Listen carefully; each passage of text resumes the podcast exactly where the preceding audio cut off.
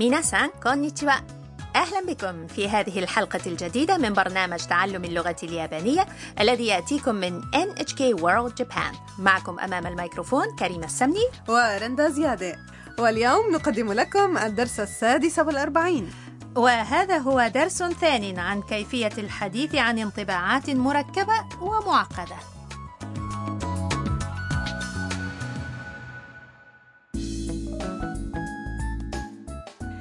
لقد مر نحو عام منذ قدوم تام من فيتنام إلى اليابان وبهذه المناسبة قام سكان هاروسان هاوس برحلة إلى مدينة كيوتو. وها هم قد وصلوا إلى نزل كان في الأصل ماتشيا علما بأن ماتشيا هي منازل خشبية تقليدية تصطف على جانبي حارات كيوتو القديمة. وقد بنيت في الماضي كمساكن للتجار والحرفيين وبعض هذه المنازل تستخدم الآن كفنادق وهناك أيضا منازل يمكن استئجارها بأكملها تعالوا نستمع إلى حوار الدرس السادس والأربعين さあ着いたよごめんくださいおいでやすお部屋はこちらですわあ素敵なお部屋 お庭もあります小さいけど綺麗ですね إليكم المعاني كايتو يقول أمام ماتشيا さあ着いたよ ها نحن قد وصلنا وميا تفتح الباب المنزلق وتقول ごめんください من فضلكم وترد صاحبة النزل بلهجة كيوتو おいでやす مرحبا بكم وتصطحب تام وأصدقائها إلى غرفتهم وتقول الغرفة هنا. كانت غرفة على الطراز الياباني التقليدي وتعلق ميا مبتهجة واو غرفة ساحرة. وتام تضيف توجد حديقة أيضا إنها صغيرة ولكنها جميلة. تبدو تام وأصدقاؤها معجبين جدا بماتشيا وجوها التقليدي. نعم ماتشيا في كيوتو هي بيوت تقليدية ذات مدخل ضيق ورغم أن عرضها صغير فإنها ممتدة طوليا ولها حديقة صغيرة جميلة. أرضها مغطاة بالطحالب الدقيقة وتزين بالفوانيس الحجرية والأشجار. ويمكن للنزلاء الجلوس في الغرفة والاستمتاع بالتأمل في الحديقة.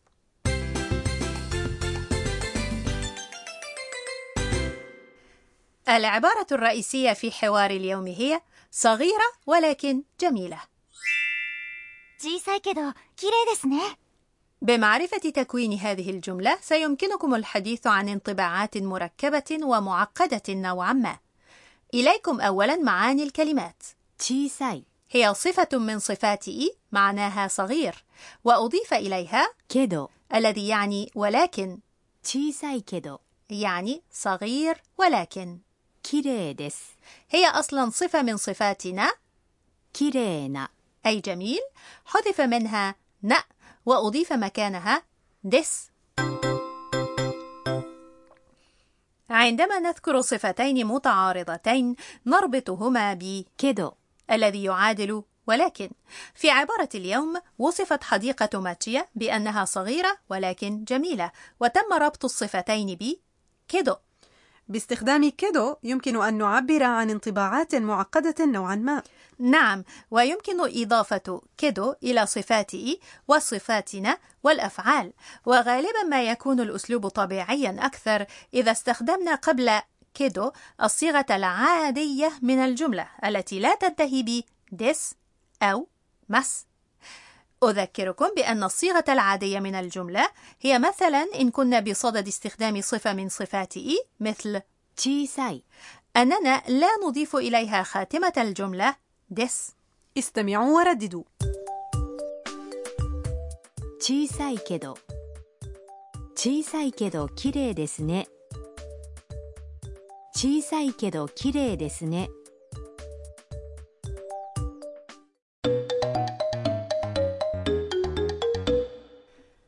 تعالوا نستمع إلى حوار آخر يرد فيه ذكر صفتين متضادتين. امرأة تحاول اختيار فندق على موقع إلكتروني سياحي مع صديقتها.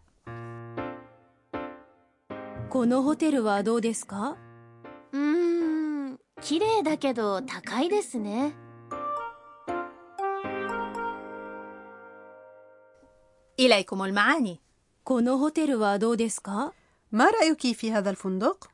このホテル يعني هذا الفندق どう هي أداة استفهام معناها كيف うーん綺麗だけど高いですね مم جميل ولكنه غالي الثمن うーん يعني أن المتحدثة محتارة 綺麗だけど هي أصلا صفة من صفاتنا 綺麗な أي جميل ذكرت في الصيغة العادية أي بدلا من 綺麗です قيل 綺麗だ ثم أضيف إليها كدو وهكذا فإن الصيغة العادية من الجملة المنتهية بالصفة من صفاتنا تكون باستبدال دس ب د وبالتالي إذا أضفنا كدو فستصبح دا كدو استمعوا ورددوا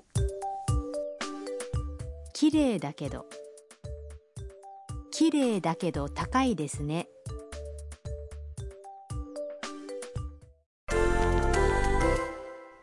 تعالوا نتمرن على أمثلة أخرى. ذهبتم إلى حديقة ملاهي وتريدون أن تقولوا لأصدقائكم إنكم أرهقتم ولكن استمتعتم.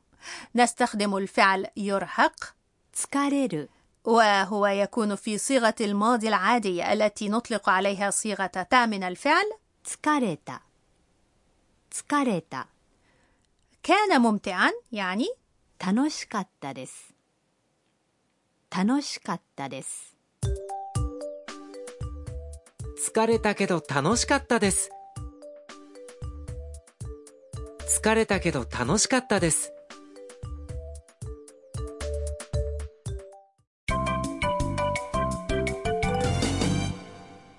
عبارة إضافية تكون مفيدة لو حفظناها كما هي وعبارة اليوم هي التي قالتها ميا عند مدخل ماتشيا ごめんください العبارة ごめんください هي تحية يقولها الزائر لدى وصوله إلى منزل أو محل شخص آخر ويقولها من خارج المنزل مناديا من هو في الداخل لنرى كيف تنطق هذه الكلمة في الحوارات اليومية ごめんくださいごめんくださいごめんください والآن استمعوا ورددوا ごめんください والآن تعالوا نستمع إلى حوار اليوم مرة أخرى さあ着いたよごめんくださいおいでやすお部屋はこちらですわあ素敵なお部屋お庭もあります小さいけど綺麗ですね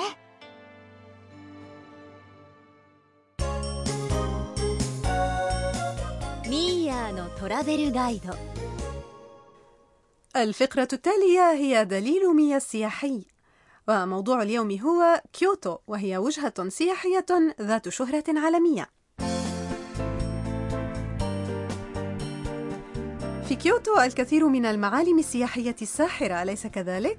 بلى العاصمة القديمة كيوتو بها العديد من المعابد البوذية والشنتوية والقلاع والحدائق التي تفخر بتاريخ يمتد مئات السنين. هناك مثلا معبد كيوميزوديرا البوذي الذي يعرف بقاعته الرئيسية المرفوعة بمحاذاة جرف، وكذلك معبد ريوانجي البوذي الذي يشتهر بالحديقة الصخرية البديعة. بينما يشتهر معبد فوشيمي إيناري تايشا الشينتوي بنفق طويل من البوابات. ويمتع قصر قلعة نيجوجو الزوار بالزخارف الداخلية المبهرة. التنزه في شوارع كيوتو ممتع أيضا. نعم كيوتو مدينة مثالية لمحبي التنزه إذ يمكن السير في الشوارع الجانبية التي تصطف على جانبيها البيوت القديمة التقليدية ماتشيا أو بمحاذاة النهر. نرجو ألا تفوتكم أي فرصة لزيارة كيوتو.